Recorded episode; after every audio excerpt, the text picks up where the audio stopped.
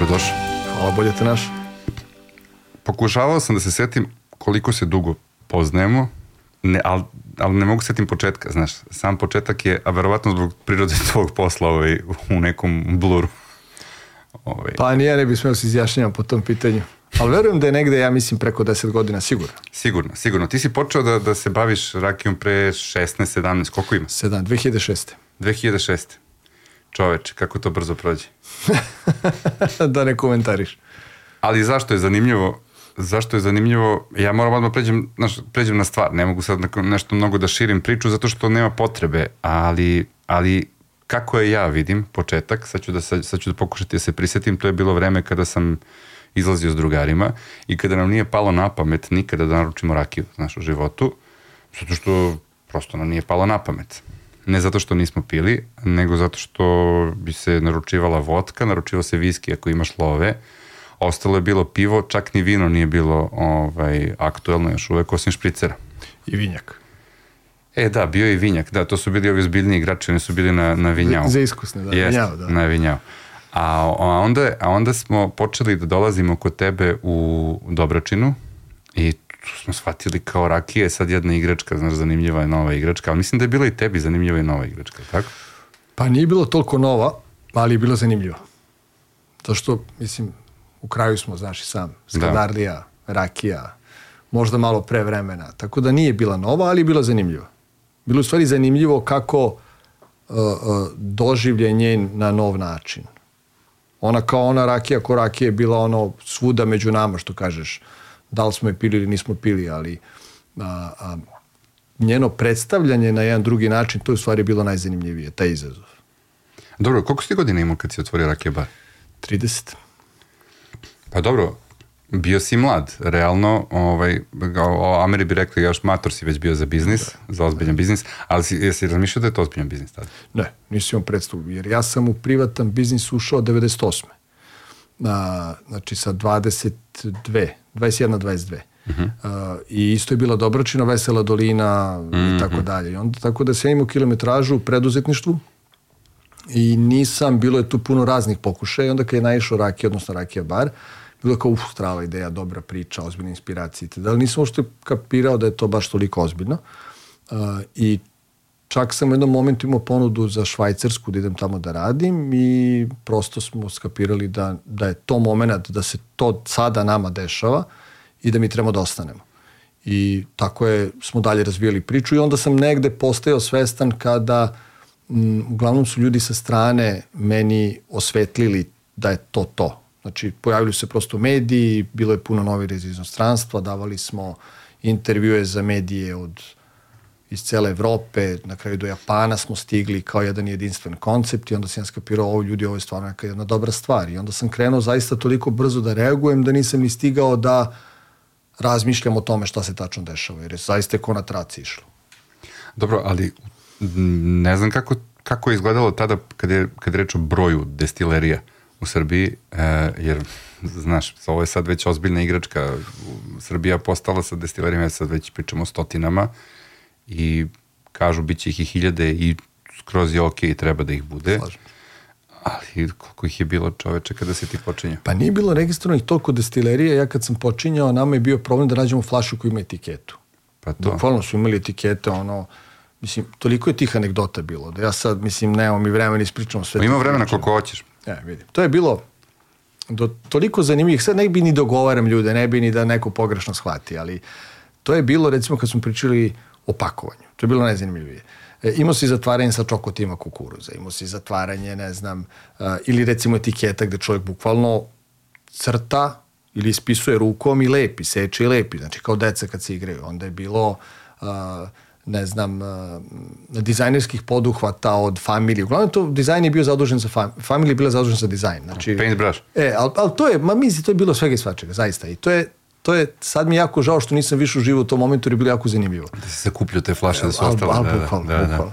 Onda recimo pravimo prvi Rakija Fest 2007. godine. Tu su ljudi dolazili u narodnim nošnjama sa šubarama, sa, znači to je potpuno jedan pristup Rakiji dalje bio na etno nivou i potpuno legitimno naravno, ali uh, nije ni bilo ni p od profesionalizma u toj branši. Čak ni branša kao branša nije postojala. Praktično mi smo imali jedan period raspada velikih industrijskih destilerija i e, nisu stasale nove male zanatske destilerije i onda taj neki vakum, ta smo se mi pojavili u tom vakumu, uh, gde si imao jedan Eldorado rakijski. Bilo je skoro 2000 uh, proizvođača, ali ti proizvođači nisu bili destilerije, nego su tu bile i gazdinstva i uh, firme, DO i prečke radnje i tako dalje i tako dalje i onda se posle kroz neke zakoni i pravilnike to sve više utezalo da liči na ovo što, je, što, što imamo danas. A čekaj, tad ti, šta se dešava tada kad si otvorio, kad ti uđe neki inspektor, ne zna ni on šta, šta te pita? Pa ne, nema tu, nema tu odgovora, mislim. To su otkupni listovi, to su fakture, šta je bilo legalno u to vreme, to se radilo, ali mislim nije bilo kako bih rekao, sve u skladu sa zakonom, a zakon nije bio definisan toliko precizno. da, da. I oj, bilo, je, bilo je jako zanimljivo. Mi smo imali, ja se sećam kad smo prvi put, kad smo otvorili 73 rakije, gde sam, to su 73 koje sam je uspao po celoj Srbiji da nađem, koji su imali etiketu. Šta dalje da pričam? A zato je bio jedan te, težak i naporan posao da si moraš po Srbiji piješ rakiju, čoveče. Pa ne, još teže je kad ocenjuješ rakiju šta misliš ti o ome? Onda ja kažem, ja, pa znate, pa levo, pa desno, pa ne znam šta je kaže. Znaš. A on vidi meni iz Beograda došao 30 godina, ne znam da je levo, mislim, sad ja njemu pričam, zna, mislim, on generacijama peče da. ovo, i rakiju, se ja njemu treba kažem ovo je dobro ili, ili nije i tako dalje. A čeži, ja stvarno, o, kako si ti znao da li je dobro ili nije? Pa ja sam radio sa, sa, uvek sa profesionalcima. Znači, uvek sam pre svega na Rakija Festu okupljao sam profesore sa poljoprivrednog fakulteta i dugogodišnje ocenjivače, radio sam sa profesorima, sa Jovićem Nikićevićem, sa Miodragom Cilićem, Vlada Vučetić, uh, uh, tu je bilo Zoran Cilić, uh, Snežana Stanković, Dejan Debeljaković. Mnogi su ljudi bili u toj komisiji zaista koji od autoriteta mm. ovaj, pa da, Ljubo Rošević, mnog, mnogi su zaista svi... Pa Ivan. Ne, sa Ivanom nisam radio, Ivan je, Ivan je negde kasnije, da. moja generacija, da, on da, je da, kasnije, kasnije ovaj, i tu smo negde, blizu smo sa godinama, radio sam s njegovim ocem. Kad kažem radio, mislim, bio je član komisije. Mm. I uh, te komisije smo uvek stvarno birali ni po babu ni po stričevima i ja sam sa njima što uh, celu scenu nekako se trudio da podignem. Ujedno sam ja učio o, o, o samim destilatima. A kasnije naravno i kroz praksu 2009. ja počnem osnovnom proizvodnju i tako dalje i tako dalje. Ali ovaj, dok sam se u prvih nekoliko godina bavio ovaj, isključivo sa, sa selekcijom destilata. Tu smo išli, mislim, sistem ovaj, e, e, klasičan, kako bi rekao, ajde prvo da, da definišemo šta je prirodna rakija, pa onda da pričamo o kvalitetima. I nije tu baš bilo toliko konkurencije. Tad bio zakon koji je definisao šta je voćna rakija tad u to vreme? Jeste, jeste postoje jeste, već zakon. Jeste, ali na primjer su najpredovanije rakije bile tada se ne, u neverovatnim količinama prodavala veštačka dunjevača. Znači aromatizovana dunja, to je bilo, mislim, to je bilo nevjerojatno kusto koje je prodavalo. E, ja to moram da sad napravim malo digresiju, toga se sećam, sećam se iz vremena kad smo dolazili kod tebe, pojavila se bila neka dunja, sad što bi rekao naš narod, da ne imentujem. Da ne imenujem ovaj koja, ali realno se i ne sećam imena, ali se sećam da je to tad bilo, znaš, Dunja nije bilo baš toliko toga. Da. I sećam se toga da se pojavila i sećam se isto tako da je nestala i da smo onda pitali zašto je nestala, e pa zato što je Branko izbacio, zato što je skapirao da je ovaj počeo da mulja, da se tako tehnološki izrazim. Tako. Ovaj, znači da je to da već, već počelo da se, da se, da se malo bistri tržište. Pa, nama, mogu da kažem da je jedan od glavnih razloga za, za uspeh Rakija bara poverenje kupaca. A poverenje je nastalo dugogodišnjom selekcijom, odnosno neprihvatanjem kompromisa. Znači, mi smo jako lako mogli da ubacimo neke jeftine da, destilate, neke špecije i to je to. Znači, stvarno su se trudili da uvek ono što je najkvalitetnije na tržištu imamo u ponudi i onda smo prvo počeli sa selekcijom, opet kažem, sa aromatizovanim pićima i onda smo kasnije išli na ono šta je, kako rekao, kvalitet, da?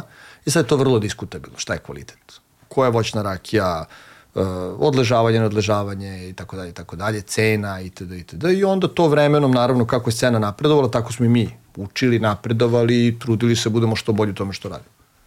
Dobro, uh, učenje je naravno proces, ali uč, učiš uh, i ti, ali uče i tvoji potrošači, uče mušteri, uče korisnici i to je, mislim, jedan isto jako zanimljiv proces, jer prošlo je 17 godina, ti kažeš od kad si otvorio, to i nije mnogo dugo vreme da se kaže da je nešto tradicija kod nas. Rakija jeste tradicija u našoj zemlji kada je reč o proizvodnji, ali je rakija koja se pije i ocenjuje kao konjac ili viski ili kad imamo sad gomilu poznavalaca koji kažu aha, ovo je kolonska destilacija, ovo je obično, znaš, ovaj, to je nekako jako brzo došlo. Kad, kad, kad si primetio da to počelo se dešava, ja sad vidim ove sa kafom, sad ovi svi kad kažu ne, nemamo nikako Kolumbiju, molim te, daj mi ovaj. Daj mi Etiopiju. Da, da. da. ja, ja vam priznam stvarno, nemam pojma, ali dobro, verujem da postoji razlika. Apsolutno postoji razlika, nego postoji a, baš dobar primer i sa kafom, jer sam imao neko malo iskustvo u tome, ovaj, neko od nas, ali u svakom slučaju poznato mi je to da a, a, kod nas postoji jedna a, kafanska edukacija. A, to je ono rekla kazala. A, to je jako jedno, jedan nezahvalan teren, jer a, ja sam često iza medije kad su me zvali za neke intervjue govorio mislim, zašto ne zovete poljoprivredni fakultet, što ne zovete ministarstvo, što ne zovete laboratoriju, mislim, što zovete mene za pitanje o rakiji iz prostog razloga, valjda mora se zna ko je ovde autoritet u kojoj oblasti.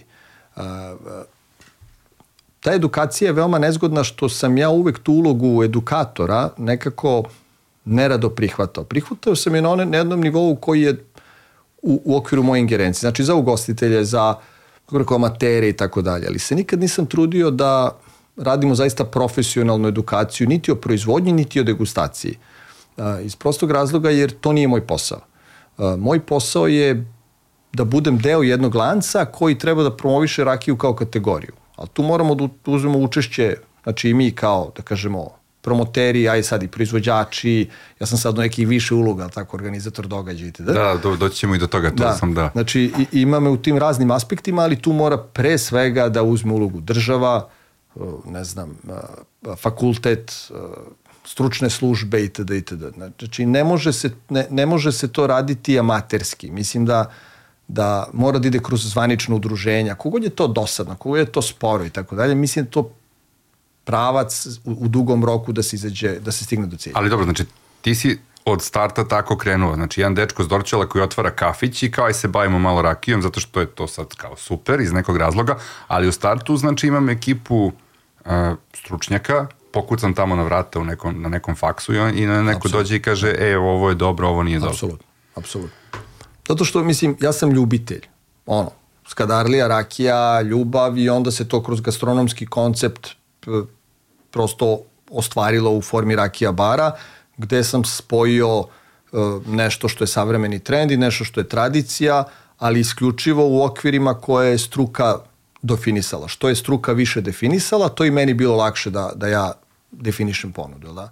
Mm. Uh, to je bilo veoma nezahvalno zašto ima mnogo onog ličnog. Pa znaš ti moj deda, to nema šanse, ovo je, dešavalo se recimo kod nekih ocenjivanja da mi kažemo ovaj, čovjek šalje a, a mogu konkretno i da imenujem, žao mi je moj stvarno i, i dobar prijatelj i sve, ali ovaj, nažalost pokojni ovaj, Tica iz Bajne bašte i sad dolazi uvek ocenjuje Klekovaču i kaže ocenjujem Klekovaču ovaj, a, specijalku takozvanu i litarsku onu običnu i kaže mi ovaj, mi uvek ocenimo, pošto uvek naravno blind tasting i tako dalje i ne zna se da li tako, ni, ništa sem broj uzorka i uvek je kupljeno sa police trgovine i sad da, da, da. pričat ćemo o tome verovatno, ali fore mi uvek bolje ocenimo ovu regularnu umesto specijalke.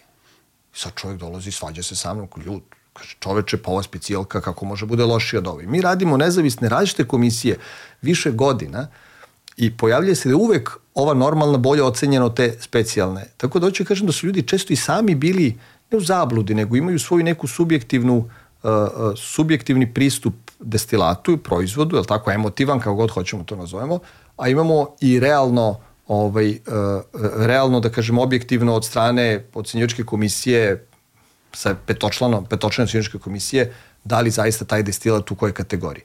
Tako da je tu u stvari bilo m, teško kad pričamo o toj listi, o ponudi, o tim svim, šta to treba bude na ponudi rakija bara. I onda smo mi ovaj, uh, uh, imali velike muke ne toliko sa proizvodima, koliko sa proizvođačima. Da. To, to je, bilo je potrebno ljude ubediti šta je standard kad ocenjujemo voćne rakije. A čekaj, te pričaš o ocenjivanju prilikom nabavke rakije za, za kafić ili pričaš već o, o početku pričam, pričam, pričam, Rakija Festa? Pričamo o Rakija Festu je nasto 2007. godine, tako da se to poklopilo. Da, znači, da, da. Rakija Bar i Rakija Fest su praktično bili komplementarni, mi smo dosta zaista smo na, na osnovu svakog Rakija Festa i toga šta je ocenjeno, tako smo pravili negde ponudu rakijske karte, mm -hmm. gde smo nešto izbacivali, nešto ubacivali, jer mnogo, mnogo je tu, mnogo se tu stvari menjalo u, za godinu dana. Od izbora novih ukusa do, do novih proizvođača, do nekih novih trendova. Ta scena je neverovatno napredovala. Ovo što danas imamo je neverovatno. To je nepojmljivo u odnosu na ono kako smo počinjali. dotaći ću se toga vezano za vrednost, e, za vrednost rakije i za, i za nešto šta je tradicionalna proizvodnja, šta je rakija danas, a to mislim da, da treba da pričamo kasnije o tome. Ali jedinstvena stvar je taj koncept uh, festivala. Festival kada se pojavio, a sećam ga se, sećam ga se, uh, sećam se jedne one manifestacije koja je bila, ja mislim, na trgu Nikole Pašića. To je prva. Da, to je prva i sećam se podeljenje, podeljenog, uh, podeljene javnosti i percepcije toga u tom trenutku. Od onoga, wow, stravo, ovo je nešto novo što se dešava, sad mi kao naše nešto promovišemo, od onoga, evo sad mi pričamo ovde, mladi treba se opijaju, da piju rakiju, da brljaju, bauljaju po ulici. I dan danas, kada pričamo o projektnom planiranju, kada se obratiš nekome za projekat od donatora, kažu, e pa znaš, to, to je ipak alkohol, to je sad... To je bila teška bitka, meni se čini. I dan danas. I dan danas. Niko nije hteo da se veže za rakiju. Mm, svima je lepo, ja sećam kad sam kostovao na RTS-u, i sad dolazimo Jezdić Nenad, e, koji je tad počeo sa proizvodnjom, dolazi profesor Nikićević i ja da najavim Rakija Fest. I ovaj, voditeljka kaže, ne mogu tako da vas najavim. Preko dobro, ako ne mogu organizator festivala, stavite, ne znam, proizvođač. Ne mogu ni tako. I na kraju smo došli, pa čemu ćemo mi da pričamo, da? da taj zakon je toliko bio loše napravljen da ta priča o alkoholu, recimo pivo i vino su hrana, Uh -huh. i o njima može, mogu da se reklamiraju. Sećaš se, nekako sećaš ono Jelen i Lav, onih kampanja kad je bilo, kad je utrkivanje bilo, nisi od piva mogu da živiš, non stop je bilo na TV-u, tako? Naravno. I sad, uh, zloupotreba alkohola, uh, da li će to neko piti rakiju ili će piti bilo koje drugo alkoholno piće, ili će piti pivo ili vino. Ako neko hoće da... Pita ih u Drajzerovoj da li hrana, znaš. Otprilike, da li ljudi će da zloupotrebe ovaj, alkohol ako žele. Naravno. Na nama je naravno da, da uvek gledamo da ide koliko god možemo da utičemo, da se u tome uživa, da se ne preteruje i tako dalje. Ali na kraju ipak odluka kod pojedinca. Ne kažem da treba reklamirati alkohol, ne, tražem, ne, ne kažem da treba ljude nagovarati na pijenje alkohola, ali treba odvojiti nešto što je nacionalni brend i recimo kad pričamo o rakiji trebamo da, da, da komuniciramo njoj kao nacionalnom brendu. Bukvalno kao što Škoti imaju ozbiljan devizni priliv od izuze viskija, mi tako trebamo da imamo od rakije. Pa naravno, ali e, došli smo do, do toga da pričamo o tome na taj način. Ran, da, da smo pričali pre 20 godina, mislim da ovo ne bi bila tema, ne bi bila tema na nivou nekog privrednog planiranja ili bilo čega, ali mislim da bi to trebalo da bude centralna tema našeg razgovora, to je upravo taj lanac vrednosti koji se tu pojavljuje oko, oko rakije i kako on može da izgleda i kako izgleda sada i kako bi trebalo da izgleda.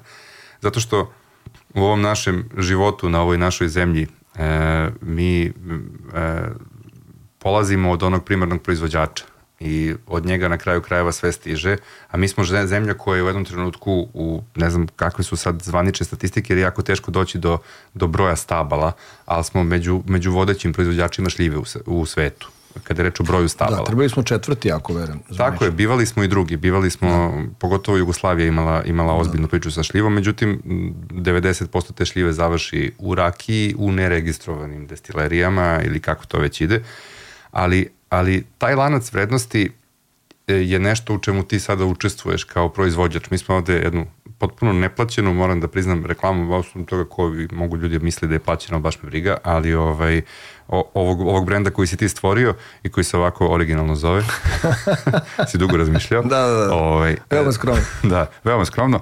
E, učestvuješ u, u, tom, u tom lancu vrednosti. Kakav je on sada? Je li isprekidan, je, je funkcionalan, jer, jer na početku je ozbiljan? Znaš? Bolje nego što je bio. Bolje nego što je bio. E, mislim da, e, mislim da postoje dva ugla gledanja. Jedan je od strane poreznika, odnosno poreskih vlasti, da tako nazovem, mm. i od strane dela vlasti Ministarstva poljoprivrede, recimo konkretno, gde dolazi do sukoba interesa. Jer mi moramo da uvedemo alkohol pod akcizne i svake druge, jel tako, takse, zakonske regulative i td. potpuno legitimno. A s druge strane, to je dalje proizvod koji dolazi iz sektora poljoprivrede, gde treba primarnog proizvođača podržati. I sada, šta se dešava konkretno? Čovjek ima viška šljiva, uh, ne može, ako mu nije dozvoljeno da plasira taj proizvod u formi alkoholnog pića, odnosno da li meke rakije, destilata, finalnog proizvoda, nije ni bitno, ako on to ne može da uradi, jedna, jedan zakon mu, gde da kažemo jedan deo, jedno ministarstvo mu to brani, jer će biti van tokova, dok s druge strane drugo ministarstvo podržava to zato što je najbolja stvar za njega da viškove pretoči u formu proizvoda koji može da, da odležava i ne gubi vrednost. Znači, meni ako nije dobra godina sa cenom šljive, ali tako, ja mogu tu te viškove da izdestilišem i mogu da ih plasiram na tržištu onog momenta kad mi odgovara. Ne zavisim od hladnjače, ne zavisim ni od koga itd. Tako da se pojavlja jedan, jedna međuforma, to je tržište rakije, odnosno poluproizvoda, to su meke rakije, destilati itd., koje je negde sad ukomponovano zakonski, znači dozvoljeno je da poljoprivredni proizvođač, odnosno poljoprivredno gazdinstvo, može u kooperaciji sa registrovanom destilerijom da svoj proizvod plasira, pardon, ne plasira na tržište, ali da ga preproda do destilerija plasira na tržište. I to je nešto što po mom mišljenju, ja sad ne znam detalje, ne bi da se previše pravim pametan, mislim to zakonodavci bolje znaju. Jasne, ja sad čisto pričam o modelima za koje znam da postoje i za koje, kako bih rekao, mislim da, da su najbolji model. I ako možda i, i, i ne bi bili zakonski dozvoljeni, evo ja apelujem da to bude jedan model, jer mislim da je najbolji da svi u lancu imaju neku svoju dodatnu vrednost i da na kraju krajeva taj primarni proizvođač ima interes da ostane na zemlji, ima interes da prehrani porodicu od toga i mislim da je to u interesu države. A, destilerije opet s druge strane imaju interes da imaju neke svoje kooperante, da li će on da otkupljuje šljivu ili će da otkupuje neki poluproizvodno, ono, meku rakiju, ili tako, da. koji će da redestiliše, to je sve okej. Okay. Sve dok mi na kraju dana imamo nešto što se zove hemijska analiza. E to, zdravstveno bezbedan proizvod. Tako je. I za to odgovara destilerija. I meni je to potpuno u redu. Recimo ja kao uvoznik u nekoj državi, mene ne zanima koji je proizvođač, ja kao uvoznik snosim odgovornost za to što sam uvezao. A to što sam se ja s proizvođačem dogovorio, kako se dogovorio, šta je on napunio neku teglu, flašu, limenku, šta god da je u pitanju, ili tako, ja na kraju dana kao uvoznik odgovaram za to. Tako da, da i, ko, i u ovoj situaciji e, proizvodnje e, destilovanih voćnih rakija, tu dolazimo do toga da destilerija na koju treba snosi odgovornost za to, jer plaća akcizu, ima standarde, odgovorna je pred zakonom itd. A mm. poljoprivredni proizvođač da mu se omogući da plasira svoju robu, da ne bude ucenjen. I to je sve. A dobro, e, tehnološki kapiram da je bolja opcija da, da destilerija radi i, i, i, taj prv, i to prvo pečenje, da pojasnimo onima koji ne znaju ništa o tehnologiji proizvodnje rakije, ove, ove, ove koje je kod nas, ajde, počnemo od šljive, Znači ti ispečeš jednom rakiju, odnosno kada, kada šljiva prevri, ti ispečeš na nekih 30 stepeni uh, i onda se posle radi prepek od toga i dobija se ovo što je prepečenica šljivovice, kako god je mi zove, odnosno, odnosno ljuta rakije. Tako je. E, a, ali tehnološki, ako se ne varam, bi bilo ispravnije da jedan proizvođač radi oba dela procesa, ali tako je bi on ima bolju... Ne, što su u većini slučajevi dešava. tako? Ja pričam samo o nekim uh, uh, ne mogu, nemam ja pravo da sudim koliko destilerija koristi usluge uh, dobavljača jasne, jasne. i na koji način, ali ono što, što znam da uh, je na kraju dana najvažnije da se plate porezi, da se plati akciza i da korisnik dobije sertifikovan proizvod.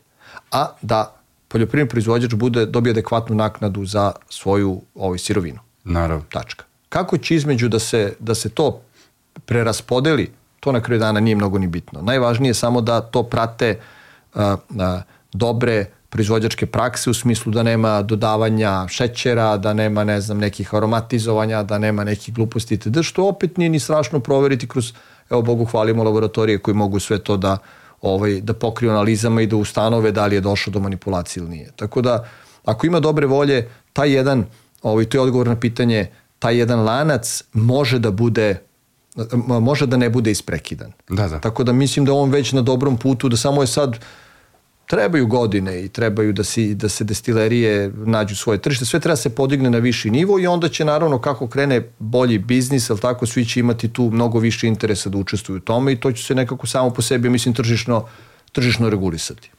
Kad si rešio da postaneš proizvođač rakije? Rečio sam da postanem proizvođač onog momenta kad je svaka stota flaša u rakija baru bila drugačija. Jer sam ja, na primjer, se brukao pred kupcima, ali tako i objašnjavao i stavio iza mnogih nekih ljudi, brendova, da kažem, u to vreme, ne znam kako da nazovem, i, ovaj, i objašnjavao da je to baš tako itd., dok na kraju nisam se razočarao i shvatio da to baš i nije sve kako se priča i da treba otvoriti četvore oči, što kažu da a, a, se vidi šta je tu u boci. I onda se rešio, pa čekajte ljudi, ne, ne mislim, ne može ovako, da? hajde da mi vidimo šta je to problem i onda kad sam kraju shvatio kad sam krenuo sa sobstvenim proizvodima, malo po malo, malo po malo, naravno opet stidljivo, ajde uz poštovanje, nećemo da sad ja, znaš ono, mm. svačija rakija na svetu je najbolja, da, no. ajde, ajde imamo desu mi tu.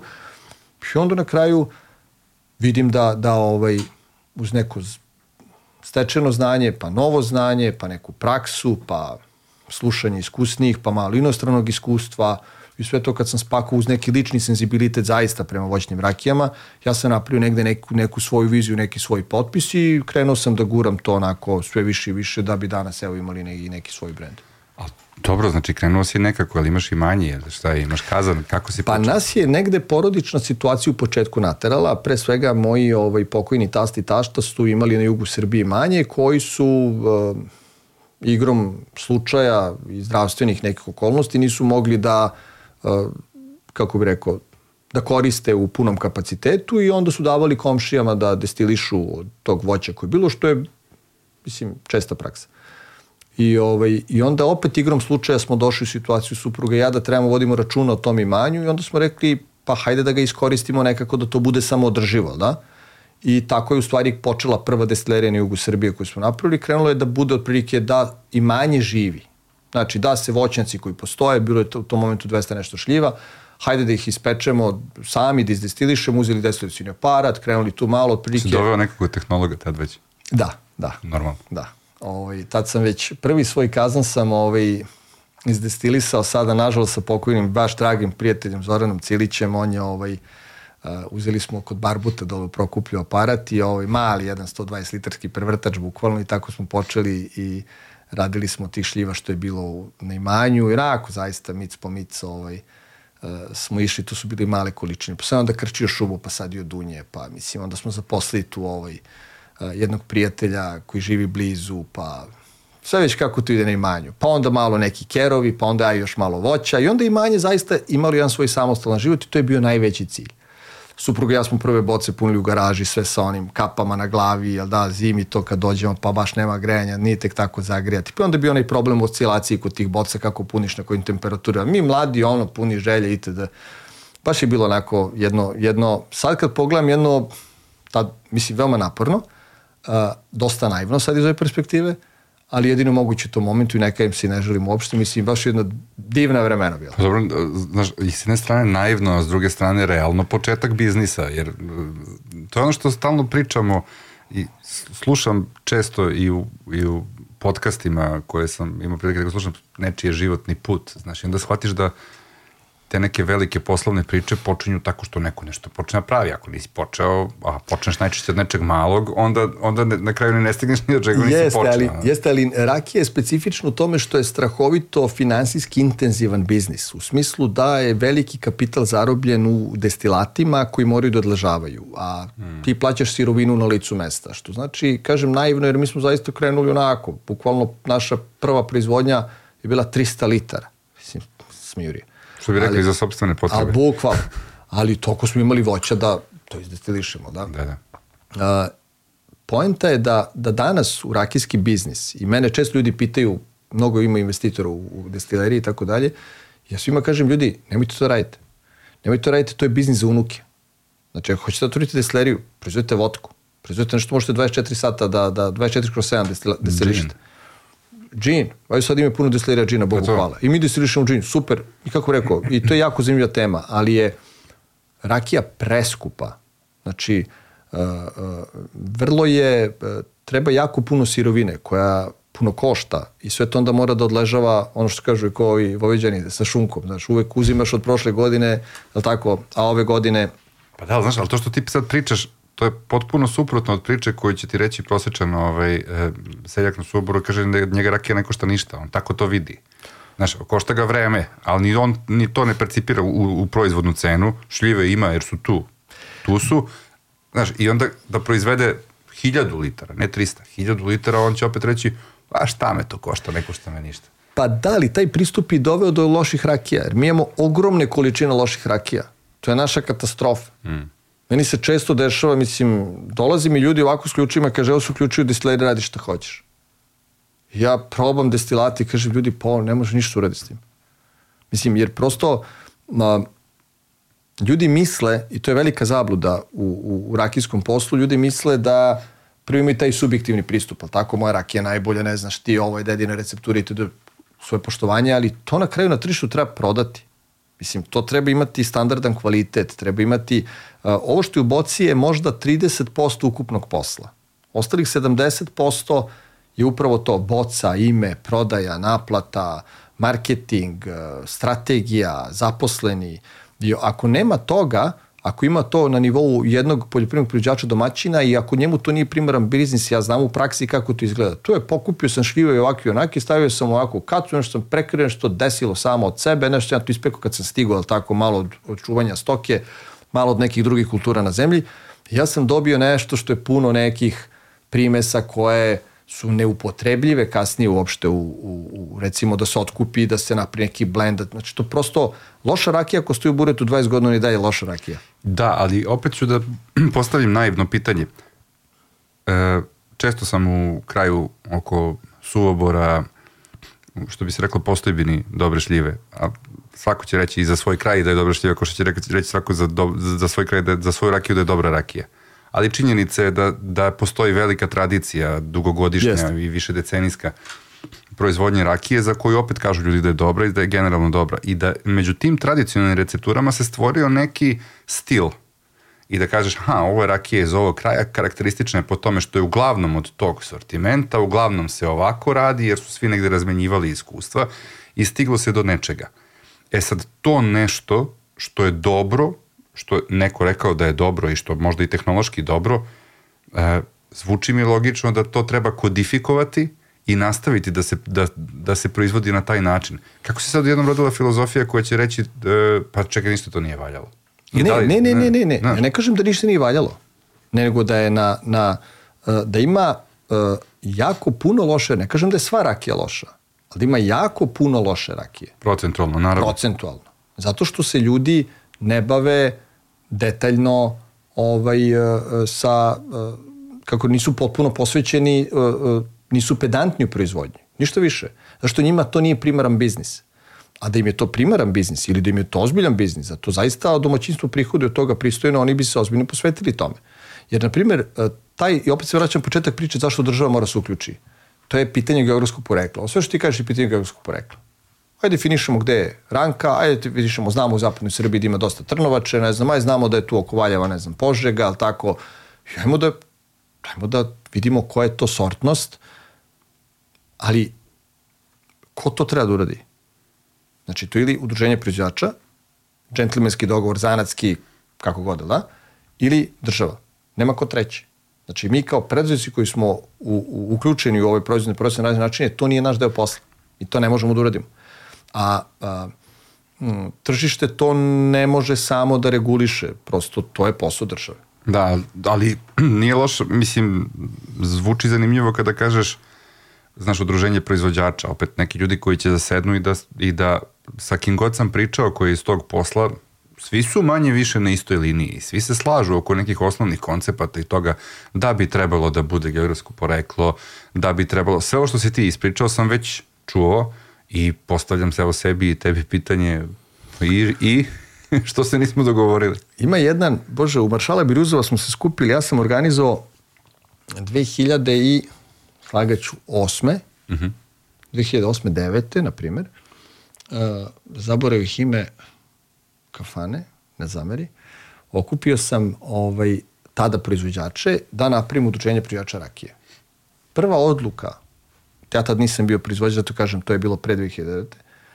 Jer sam teo da su stanove pravili igre i da napravimo rakiju kao kategoriju, da nastupimo zajedno u izvozu, da napravimo šta je stara šljivica, koje su sorte, koje su pravili igre, hemijske analize, standardi, to je prilike neka bila ideja. Uh, prva odluka udruženja, odnosno članova je bila da mene izbaci iz udruženja. Zato što, Mnogo priča.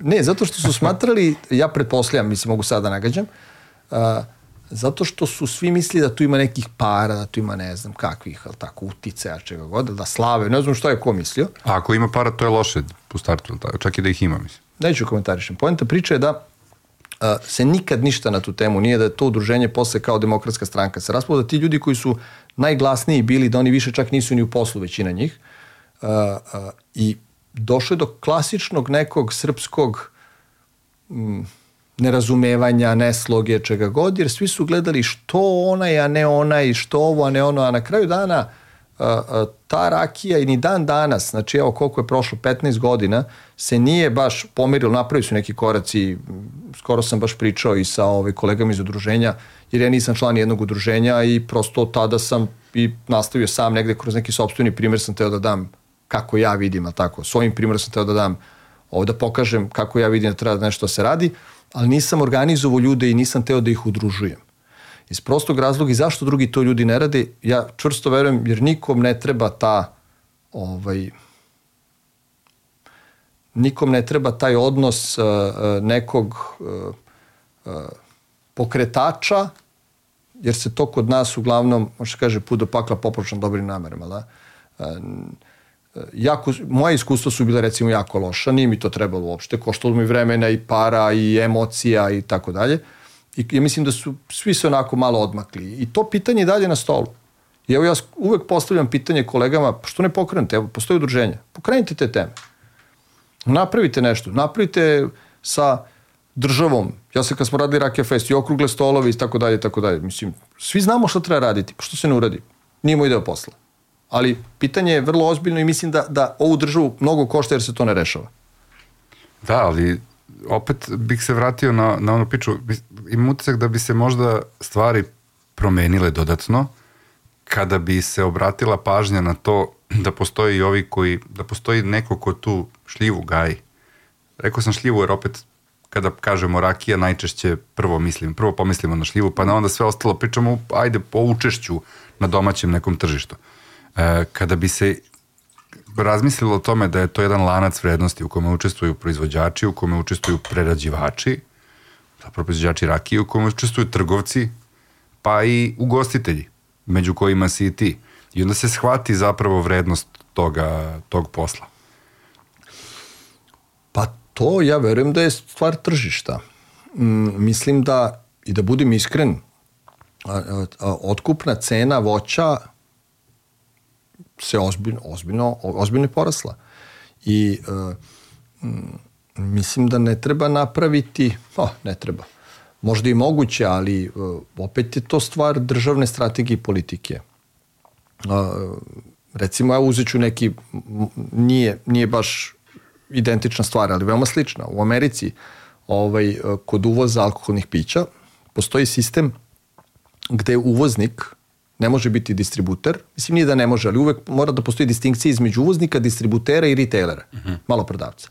Tako da svako mora, čak negde i zakonski, mislim da je određeno koliki deo kolača da, da uzme. Znači da se održi tržište, da nema monopola, da nema manipulacije cenama i tako dalje.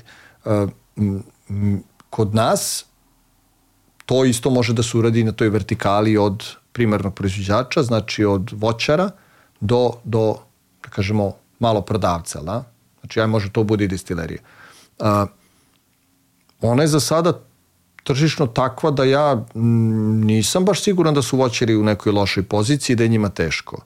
Mislim da je više stvar na nivou udruživanja voćara oko plasmana pre nego na odnosu nas kao otkupljivači voćara. Recimo, evo sad je cena dunje bila 80 dinara po kilogramu. 2023. To, mislim, da. nije malo. Da, kajsije, to je otišlo u nebo. Šljiva ono se još drži do nekle, ali ona, boga mi ide kod požegača, ide, cenili su je na 60, 70, 70 dinara. Dobro, bila je teška godina, malo je bilo voća, slabo je, slabo je, slabi rod bio ove godine. Pa i to drugo ide dosta u suvu šljivu. Onda da. isto i, i postoji tako nešto da, da na primjer, sa, sa Rusijom ili s nekim većim izvoznim tržištima. Ajde opet kažem, ograđujem se jer nisam voćar da bi smeo da Naravno. da pričam i, te, i tako dalje. Ne znam, ne znam kako je njihovim cipelama, jer ja ovo što imam od voća, to su simbolične količine. Um, za ljude koji imaju plantažne neke zasade, kako se oni bore, koji im je energenata, radne snage itd. To je za svakog ponoso pitanje. Ali ono što znam, a to je da ne postoji, ja ne vidim da je da destilerije imaju e, neke jeftine sirovine i da rade na račun uh, primarnih proizvođača. Naprotiv, mislim da su primarni proizvođači u mnogo boljoj situaciji sada nego što su bili ranije. Ja se sećam kad je šljiva bila i po 10 dinara i po 15, 20 dinara i tako dalje. Što, što ni to naravno nije dobro. Mislim, pričam zbog primarnog proizvođača. Opet, Apsolutno, zato kažem, ja se ne sjećam sada u zadnjih 5 godina nikad nije bila ta cena na tržištu. Pričam o rakijskim sortama. Da, da, da. Ti sad proizvodiš već ozbiljne količine rakije? Pa ne znam da li su ozbiljne, ali... Pa ne znam, meni prvi, prvi utisak da je, da je ozbiljno kad sam te vidio na, na, na aerodromu. Onako, ovo je nešto ozbiljno sad postalo. Pa dobro, ja mislim da i postoji, kad je rakija u pitanju, da je mnogo veća... Uh, to su i dalje smešne količine. Mi ono što možemo da pričamo o rakiji, možemo da pričamo samo onome što je zvaničan podatak, a to su izvozni podaci. Mm. Izvozni podaci, skoro je bila informacija da je 10 miliona evra izvoz voćnih rakija. Znači i u flaširane i u rinfuzi. Kad kažem u rinfuzi, znači da mnogi destilerije rade recimo B2B, znači sa poznate destilerije u inostranstvu, proizvode kao sirovinsku bazu, odnosno neke jače destilate koji se dalje koriste u dalje preradi. I sad tu ima raznih destilata, ali većina mešljiva. Sve to zajedno je 10 miliona. To je smešna količina. S druge strane imamo neko nagađanje, jer to niko ne zna pravi podatak, da se otprilike godišnje proizvede uh, rakije u Srbiji oko 60-70 miliona. Neki kažu 80, nije bitno. Ali recimo neki 60 miliona litara. Mm. To je ogromna količina. Gde je ta rakija... Kad su to pretvorili u evre, to je ozbiljna vrednost. Tako je. A ja znam po kolegama da neki plasman rakije na domaćem tržištu uopšte nije toliko veliki koliko ovaj, mi mislimo da jeste. Jer mi vidimo te rakije na policama trgovina, vidimo gostinski objekte, vidimo da ljudi piju, vidimo da ljudi nose na poklon, ali toliko destilerija i po ovoj ceni po kojoj sve des, većina destilerija na ivici egzistencije. To mogu da potpišem. Tako da da nije toko sjajno ovaj, što se tiče uh, posla destilera u Srbiji, i mislim da je jedina budućnost u izvozu jer je on mali i relativno tu postoji velika, veliki o, potencijal prodaje. Na domaćem tržištu kome ćeš ti prodati rakiju recimo u Šumadiji? Ko će da ode na, u prodavnicu kupi rakiju za 2-3 hiljade dinara na policiji kada svako u svojoj kući ima domaću rakiju? I pa da, je... kada će neko da kupi od nekog koga zna, kaže, ćeš da pečeš ove tako godine, je. a ja ću da uzmem 30 litara. I nema ja ništa protiv toga. Što da. Ali mi tako nikad nećemo imati nacionalni brend. Ne možemo mi reći da je nacionalni brend ako svaka kuća peče za sebe rakiju, nema standardizacije, nema hemijske kontrole. Evo mi za ovolike godine organizacije festivala uvijek smo imali dve kategorije. Imamo Beogradski pobednik i imamo najveće rakijsko dostignuće. Beogradski pobednik je bilo ono što uzmemo sa polica trgovina. Rakijsko dostignuće pošalju nam pojedinci ili firme neku rakiju koja je neka ili arhiva ili neka dedinja, je tako, ovaj, neka stara rakija ili, na primjer, imaju neki nov proizvod pa hoće prosto da vide ovaj, kako, se, kako drugi ocenjuju to. I nama se uvek pokazalo da su u globalu rakije sa polica trgovina za klasu kvalitetnije domaćih rakija. Zbog standardizacije? Pa ne, nego zbog toga što to prolazi kontrolu. To je nešto iza čega si stavio brand, iza čega stoji tvoje ime, ime destilerije, ime firme. Znači, e, moraš da imaš ajde, kogod to možda značilo, ne značilo, moraš imaš neki minimalni, bar HCCP standard, moraš da imaš zaposlenog tehnologa, moraš da imaš hemijske analize, imaš kontrol, imaš kontrole na poreklo alkohola, Znači, ti si ipak siguran da to što kupuješ da je ispravno. Ti kad Ali kupuješ... Da, da, da, tiče se utisak, znaš, da se to dešava, da, da, da, se, da je počelo mnogo se priča o tome. Ja sam našao nekoliko blogova o rakiji. To je par onog koji već imaju već tradiciju. Pa sad na Instagramu se pojavilo... Bogu hvala, da. Ima sve više priča o tome. Da. Na Instagramu ludilo sad tema, da. tema rakija i priča se o tome, ali se priča o tome pa kako da posadiš šljivu, pa koju šljivu, pa gde da nađeš pa kako da koji kazan kupiš, pa kako se cepa hrast, to je sad već ludilo ovaj, od tema. Mislim da se, da se stvari pomeraju, da čak i oni koji e, koji prave za sebe, sad hoće da budu deo te jedne igračke. I tu postoji jedna veoma zanimljiva tema. Skoro sam baš pričao sa kolegom ovaj, koji isto ima podcast ovaj, vezan za rakiju i baš smo privatno smo ako razgovarali i kažu, ufo, ovo su nam odlične teme za podcast i složili smo se i tako dalje. E, naime, postoji jedna, jedna sada tendencija da se hobisti su do te mere zauzeli e, i medijski i svaki drugi prostor da je to neverovatno.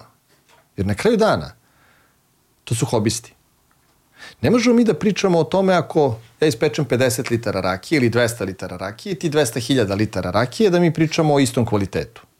Ne možemo da pričamo o tome ako ja pečem bez kalkulacije koliko me to košta i biram svaku svaki plod, ali tako, pojedinačno i ti koji moraš da praviš neke kompromise pri otkupu zbog cene, zbog svoje cene i tako dalje.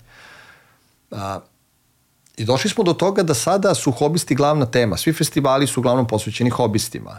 A, svi ti trendovi koji kazan šta ovako sve. Se tu i dalje priča o nekim kućnim uslovima. Ja samo hoću da kažem da to nije realno. Dobro, bilo je pre nekoliko godina ta ista priča sa kuvanjem piva, ako se sećaš, da su svi odjednom počeli da prave pivo, znaš.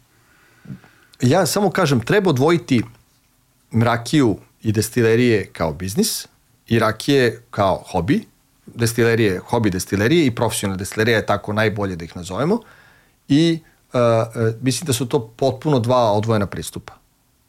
Jer da. s jedne strane imaš kontrolu, analizu, pakovanje, standardizaciju, tržišne uslove, borbe itd. itd. itd. S druge strane, bukvalno imaš ljude koji to rade i svoje zabave, želje, volje. I onda mi kad uđemo pričamo o rakiji, ako pričamo o hobistu, to nije realna priča. To je kad pričaju, to je može da uđe u one rubrike recepti za domaćice. Da, da.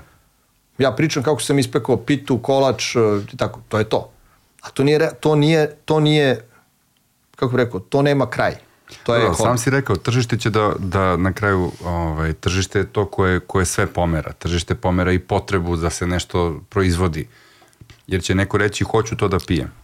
Ti već neko vreme držiš i restoran koji je postao onako po ozbiljan ono, landmark u Beogradu i koji ima, koji ima super ime, zove se Barrel House baš zbog Burića. Čekaj, tamo stvarno odležava rakije? Apsolutno.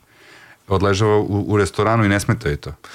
Uh, I da i ne ona zbog tih temperaturnih razloga ovaj, razlika e, jako brzo stasava Aha. uz jako velike gubitke, tako da je to cena koju mi svesno plaćamo, ne bili smo dobili brže odležavanje, odnosno jaču ekstrakciju. Da, da, da.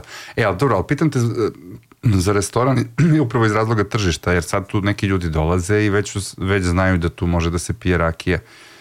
E, od onih od nas klinaca koji smo dolazili u, u, u Rakija bar do ovih današnjih klinaca i odraslih koji dolaze u baral, o, šta se promenilo u razumevanju rakije kao piće? Mm, pa to je jedna čitava revolucija. Ja mislim da je Rakija bar bio pokretač vrlo neskromno na to ovako. Mogu mm -hmm. da kažem da je bio jedan od pokretača ovaj, te rakijske revolucije u smislu da smo mi menjali uh, kroz Rakija bar i Rakija fest, da smo zaista menjali jedan uh, jedno razmišljanje, jedno poimanje o rakiji kao alkoholnom piću i izbacili smo ga iz tog upravo to uh, seosko uh, jeftinog etno modela, u smislu svi pečemo nešto čega se opijamo i boli nas glava, što do... Ameri zovu moonshine. Moonshine, upravo iz moonshine, iz moonshine ovaj modela, do nečega što je vrhunski voćni destilat jer treba uzeti u obzir da se rakija pravi od najskuplje siro, alkoholno piće koje se dobije od najskuplje sirovine na svetu. Ne postoji ni jedno alkoholno piće na svetu koje ima skuplju proizvodnju od voćne rakije. Tako da. da, ako mi gledamo iz tog ugla, što uvek kažem, mi pravimo alkohol od dečije hrane, znači, ako iz tog ugla gledamo, onda mi trebamo potpuno da promenimo naš, našu percepciju o, znači da to ne može da budu plastičnim one. Znaš, ono kokolina flaša s vantinim čepom i ti fazoni, ono, moja da. najbolja, vidi kako udara, vidi ili ima vena. Znači, to je potpuno, te priče moraju da se, da se izbace i da se ovaj, neki novi priznači. Znači, i generacije su mnoge uhvatile taj trend, jer mislim dosta i godina prošlo i tako dalje. Ja sam zaista iznenađen i drago mi je da se uošte ta tema kasnije uzela i, i, i zamak do te mere da sad što kažeš i blogovi, razni m, sajtovi, podcasti, svašta na temu rakije, to je dobri. Što se više priča o tome što se ta svest više širi, to je bolje za celu industriju. Jer ovo čak, ja, se, ja kažem industrija, ako ona to čak i nije. Ovo je neka industrija u povoju. Pa dobro, ali, ali to se sve jako brzo dešava. Skoro sam gledao emisiju o tome kako u jednom trenutku u Irskoj gotovo prestao se proizvodi viski, jer su Škoti uzeli tehnologiju, ovima se više ne potisnuli ih sa, sa, sa tržišta zbog političkih razloga i onda se to sve jednom vratilo, ne se vratilo, vratilo se i to velikom brzinom, pa je taj irski viski postao ono brand kao stvar prestiža da piješ irski viski. Ne, jako zanimljiva tema. Skoro sam, baš sam bio u Berlinu sada ovaj, i pričao sam sa Davidom, jednim od prezentera irskog viski u Americi. Čovjek je rođen u Kaliforniji, poreklo Irac i vratio se u Irsku zajedno sa porodicom i pitan ga zašto, kaže zato što je sada renesansa irskog viskija. I uđemo malo dublju u temu i kažemo kako je, on zastupa više manjih destilerija i on mi objasni a, da je zbog zakonske regulative e, između praktično su Englezi zabranili Ircima, odnosno udarili takse, sad da ne ulazim u detalje, nije manje više ni bitno, ali je bilo neki međudržavni ovaj, problem uh, uh, gde su takve takse na irske viskije bile da su Škoti iskoristili tu situaciju i krenuli. Tako da nije, uh, Irska je postojbina viskija i, da. i Irci su praktično posle dugog niza godina i napokon nakon tih rasterećenja taksativnih itd.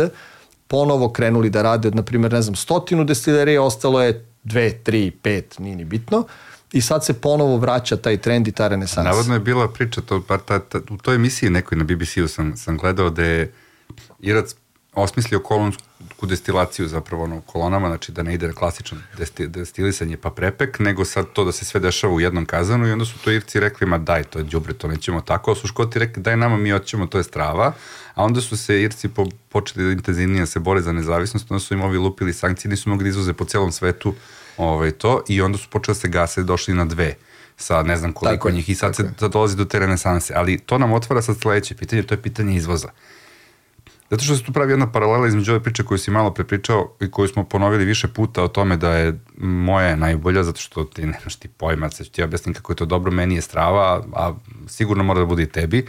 E, ta ista stvar na nekom makroplanu se dešava sa izvozom.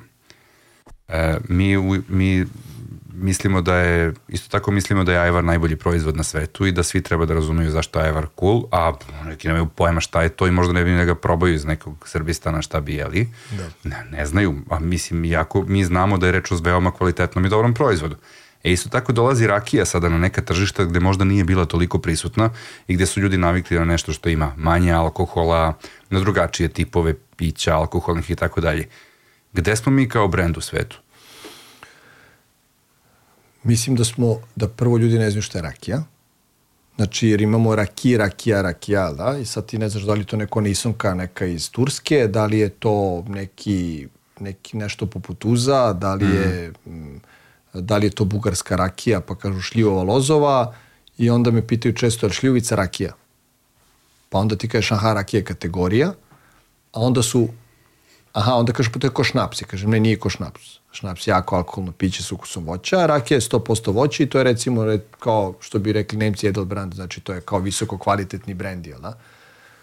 Onda kažemo brendi, pa nije ni brendi, jer kad kažemo brendi, uglavnom mislimo na vinski destilat.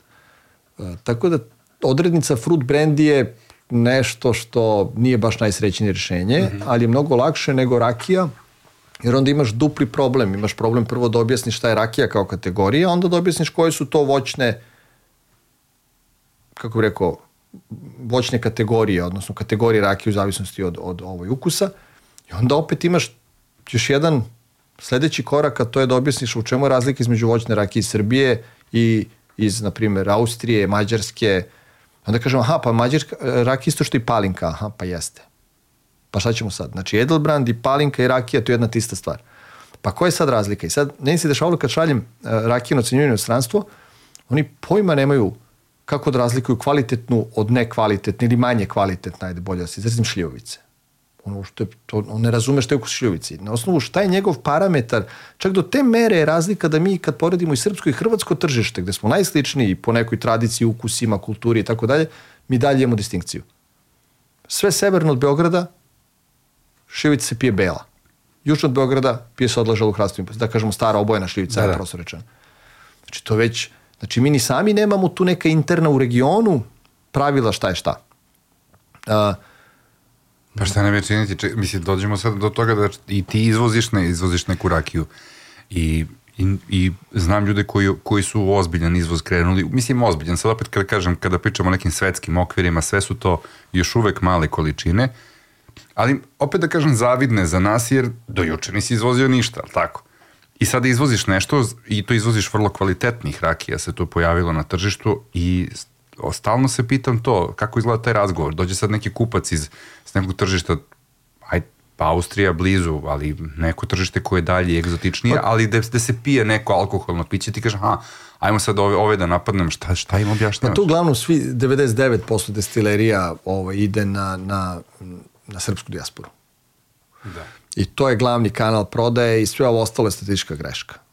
To je 90% srpska komuna, Kanada, Amerika, Evropa, jaki centri sa srpskom dijasporom i onda kume, brate, care, crkva, kogod, gde god znaš nekog, ti idi na festival, idi na srpske sajmove, na, mislim, ne, ne, ne, mislim da ne budem pogrešno shvaćen, nije pocenjivački daleko bilo, ali uh, to je jednosmerna ulica Znači tu ne može odatle ne znam šta da se dobije, zato što ako mi svi kao destilerije se obraćamo srpskoj dijaspori, pa kakva je razlika? Mi se dalje obraćamo nekom našem uh, nekim našim sunarodnicima, ali tako?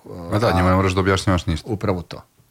A uh, da bi objasnio nekim drugim kupcima iz drugih država, jako, jako skup, spor proces, jer mora da se prvo napravi kategorija. Znači, a onda u okviru te kategorije da se mi takmičimo za svoje mesto. A gde treba da se napravi kategorija? U Srbiji ili, znaš, tamo na tom? Pa ja lično mislim u Srbiji i taj proces je jako jednostavno se jako skup. Evo, nek država finansira dolazak velikih, najznačajnijih ovaj, e, medijskih kuća, nek naprave ovaj, intervjue, nek, neko, nek izveštavaju, se napravi PR tekstovi. Mislim, to je više, ti vrlo dobro znaš mnogo bolje pozvanici da priča o tome od mene. Pa dobro, ali isto tako, sad pokušavam da gledam za obe strane priče, isto tako neko iz države možda kaže, pa dobro, što se vi ne organizujete pa platite to, vi ste kao, pri, znaš, ne platiš reklamu nekom National Geographic lupom sad ili kome god da piše o tome. A, apsolutno, može da uradi udruženje.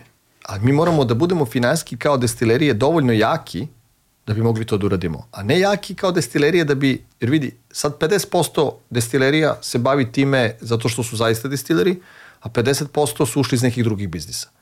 Čovjek ima uspešnu građevinsku kompaniju ili je sportista ili je dobio na lotovu šta god. Da i kaže, uf, sad ću baš da radim destileriju, baš mi je to lifestyle.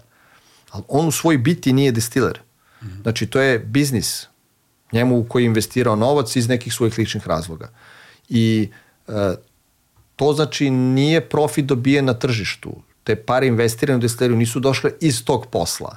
Tako da se poslija pitanje koliko ta destilerija mora da bude profitabilna ili više nas da bude profitabilno i koliko da bi mogli da izdržimo takav trošak. Ja sam siguran da ne bi bio problem se skupi nas i 10 i 20, možda i 30, da investira u takav projekat, ali uh, se poslija pitanje odakle nam taj novac. Slažem se, ja moram da priznam uh, da sam imao prilike da vidim te ponude od nekih kuća. National Geographic konkretno kao jedna od kuća ima tih svojih pod e, brendova. Jedan se bavi turizmom, ne znam, drugi se bavi ne znam čime.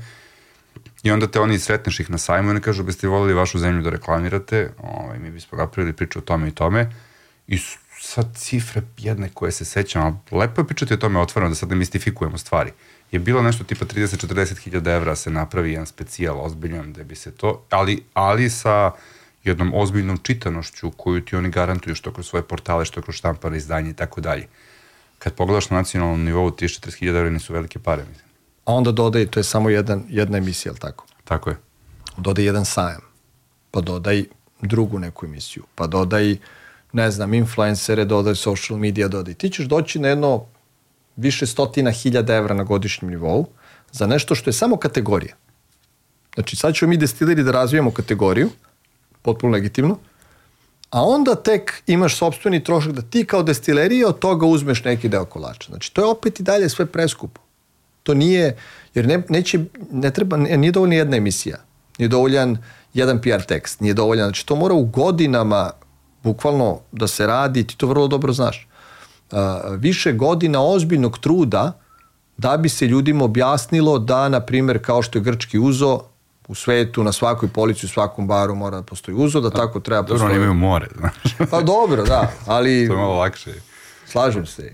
Mislim, imaju mnogo što šta, što mi nemamo, ali... Ali, ali, nešto... ali ajde kažemo da nam je najbliži primjer. Jeste, jeste. Ali dobro, e, i kada bi se to sad desilo i kada bi neko ovaj, izvadio milion evra iz džepa, kogod to bio država ili, ili, ili vi ili zajedno i rekao, ok, evo sad smo napravili, šta misliš da bi bili efekti toga uh, jel bi efekti mogli da budu isti kao što su uh, da se desi da rakija postane ono što je škotskoj i irskoj viski ili bi i, i, koliko je vremena potrebno za to? Upravo to ne bi to ne bi moglo se desiti preko noći. To, to mislim, mislim da su decenije u pitanju. Aj možda malo kraće, ali mm, ne znam, deseta godina minimum. Znači minimum decenije jedna treba da bi se uopšte ta svest pokrenula. I to mora da se radi u centrima koji su trendseteri. Uh, imamo sad u Americi ovu ekspanziju tekile, uh, gde su mnoge slavne ličnosti uložile u biznis, ali tako, sa tekilom. Pa imamo uh, onda uz tekilu ide i meskal, ne znam, pa imamo, uh, pa ne znam, na primjer, recimo, pića iza kojih stoje države, to je u stvari model kojim treba ići, jer uh, lako je italijanima da grapu, znači našu komovicu koju ja se uvek zazam s italijanima, mi pijemo samo lozu, mi od komovice pravimo oblik. Uh, lako je njima da je oni uvežu sa kulturom espresa, pa dubace grapu, pa iza njih stoji Italija. Znači, nama je teško što mi imamo u tom rakijskoj priči imamo taj etnički moment koji je nezanimljiv. Jer mi uh, uh, uz, uz svako piće uh, ide i određeni neki kulturološki aspekt koji podržava tu priču, da? A to je kod nas jako tanko. Jer mi nemamo, na primjer, ni jaku neku gastronomsku kulturu prepoznatljivu u svetu. Evo, odeš u svetu i pitaš šta je srpska kuhinja. Ja postavljam pitanje gde su srpski restorani po svetu, koliko ih ima. U smislu da pričamo o ozbiljnim restoranima, da nisu grilovi, da nisu bureci, da nisu... Znači, baš onako ozbiljnih restorana, ja ih znam možda desetak. Mislim, da. nemamo mi sada da, da toliko jaku ni gastronomsku kulturu, niti dovoljno jaku državu. Imali smo zadnjih 30 godina ozbiljne političke izazove gde isto tako naš imidž u svetu baš nije toliko sjajan. To se radikalno menja na bolje, ali i dalje pa onda često bude Srbija, Sirija, da. gde smo, mali smo. Znači, puno, kako bih rekao, baš ima puno tu posla da bi mi zaokružili rakijsku priču. Jer, znači, moramo da imamo dobar imidž države, jako puno ulaganja, puno standardizacije uh, i kad bi to ispričali priču i ložili ovo što kažeš i medijski i napravili taj neki ovaj, uh, neku euforiju oko tog pića, mi moramo da imamo ozbiljne količine standardizovanih proizvoda da bismo ošte mogli da idemo u to. Tako, tu treba puno posla. A na koju stranu misliš da bi bilo najbolje da idemo kad, kad reč o izvoznim tržištima? Pa ja lično mislim da, da tu su Amerika pod broj 1, ovaj, uh, jer je veliko tržište gde su ljudi raspoloženi da, da probaju razna pića. Mislim, tu Kanada, dobro, samo jako restriktivno, ono je monopolista veliki, jako je teško. Mm, mislim da Evropa, naravno, uh, pogotovo ova neka naša, nama bliska tržišta koja, koja prepoznaju, znači čak i šta je šljivovica, tu mislim Nemačka, Austrija, Švajcarska, dobro region i tako dalje. Istočna Evropa, uključujući isto izrazla, oni jako dobro znaju šta je šljivovica. Uh, A, mislim da u Aziji nema šta da se traži, njihova potpuno paleta ukusa nema veze sa ovim što je, što je jako alkoholno piće koje mi proizvodimo. Naravno, Skandinavija, generalno cela Evropa i Amerika, mislim da su to neka tržišta koje su ovaj, nama zanimljiva za voćne rakije. Ali imam utisak kada gledaš ta tržišta, kada pogledaš statistike tih tržišta, da bismo mi mogli da bukvalno sve što proizvedemo ovaj, prodamo i da ne bi bilo dovoljno za jedan London, zato što tamo imaš tržište od 8 miliona stanovnika i znam kad smo pričali sa našim trgovcima jabukom i jedva čekam da s nekim od njih porazgovaram ovde, jer ta jabuka je nešto čemu se puno priča ovde. odu u London i onda odu na onaj kvantaš londonski. Ti shvataš da kao to zvuči kao pa te prodajem na kvantašu, ja sam velika izvozna firma, imam ne znam 350 hektara jabuke, pa da li taj kvantaš pokriva tržište od 8 miliona stanovnika? Pa mislim da mi mm, nismo baš ni svesni to šta su svetski ni trendovi, ni potencijali, ni standardi. Bolje znaš od mene i koliko nam voće, evo sad vidim i vraćaju zbog, ne znam, prskanja ovakvog, onakvog, zbog nestandardizacije, zbog ovoga, zbog onoga. Mm, ali ajde da ne budem toliko pesimističan. Moram tu da, da? da, moram tu da budem onako pošten, da kažem vrate nam, svako, desi se, ali izvozimo dosta voća i prepoznati smo, postali smo stvarno prepoznati kao, kao izvoznici voća i to vrlo ozbiljni. U malini smo vrlo ozbiljni, u jabuci smo solidni i rastemo, prosto imamo toliko koliko imamo, ali rastemo, ali vrate, a vratili su i Hrvatima pre neki dan mandarine, vrate na Veske, ja. ima tu i carinskih ratova. Sve Sad se kaže, da, da, ima tu i drugih razloga. Ima tu sve sezonskih da, da. onih pozdrava preko da, granice, da, to da. se sve dešava, to smo se videli na tržištu. Ali, ali naravno da, da ti standardi treba da, da, rastu, da rastu i da se razvijaju. Uh, kako ti se čini sad ti kad, kad kupuješ to voće, sad odeš tamo, te, ti si u Surdulici, ili tako, sa proizvodnjom? Da. Ja kupuješ iz kraja? Kupujem iz cele Srbije. Iz cele Srbije? Da. Znači nisi pa, lokal patriotski Pa ne, ne, dole, ka, dole, dole nema kajsije. Nema kaj, da, da. da. Mislim, prosto ima i ra, e, e, razuđena su imanja, male parcele, e, teško je skupiti, mislim, tako da im, ima, imam, kupujem iz istočne Srbije, jugoistočna Srbija, centralna, sa juga. Se menjaju standardi proizvodnje? Mislim, primarne proizvodnje? Pa ljudi su zbiljniji. Toko mi se čini. Ljudi, mislim, prolazi vreme, u svemu smo zbiljniji. Zbiljnije su destilerije, zbiljnija je primarna proizvodnja. Država se, kogod ja sad ovo nešto pričao i ovako i onako, ali tu postoje pomaci neki. Davalo se dosta subvencija za opremu, zaista, mislim, do 65% bespovratno na investiciju za, recimo, ruralna područja. Da. Radi se, ne mogu ja kažem se ne radi, nego ja uvek hoću više i bolje i to pa, je normalno. problem i onda i taj moj pristup možda deluje kao da, da je nezadovoljan, ne, ide sve u, u, ovaj, ide sve u dobrom smeru, samo ja uvek mislim da to može mnogo bolje da se radi odnosno da može mnogo brže da se radi, iz razloga jer, evo ja sam 17 godina u poslu i ne vidim ipak neki vremenski razlog za biznis je, vremeni, vremenski ovaj razmak za biznis dovoljno veliki da se vide zaista neki veliki pomaci, ali se oni u narakijskoj sceni nisu desili. Da. Mislim... Do, dobro, se u tom privatnom biznisu desili, to se vidi, to se vidi tako kao sad neki pomak, sad imamo jedan ozbiljan brend, imamo jedan ozbiljan restoran, to me navodi na onu priču o tome kako nastaju biznisi u Srbiji. Pričali smo malo pre o tome, znaš, ti sad počneš da pečeš neku tamo rakiju, 50 flaša ispečeš na godišnji nivou, pa onda stigneš dotle da imaš jedno brand koji se nalazi, ne znam, u free shopu na aerodromu i sad to sad sve zvuči vrlo onako fancy i ozbiljno. Svi te već se stavaju kao rakijski milionere kad pogledaju stvari, pa ne, mislim, pričam sad kako to, kakva je percepcija da. toga, že, kaže iz mojih usta Boži uši. Kaže, tako? Lako je njemu, znaš čujeno. Da, lako je njemu. Da ti tvoj drug kaže. Jeste, ali ima i ona, i ona priča da, da Srb, biznis u Srbiji može da uspe samo ako imaš kombinaciju. Znaš, kao nije ono kao imam dobar proizvod, pa ću ja sad kao dobro, znači ovo kupiš, ovo kaže, hoću, sviđa mi se, koliko košta, toliko odgovara mi, ne odgovara mi cena, nego ne, ne, ti možeš da imaš neku kombinaciju. Jel, i, ne znam koliko je to, koliko je to, znaš, koliko je to priča, koliko je to stvarno tako.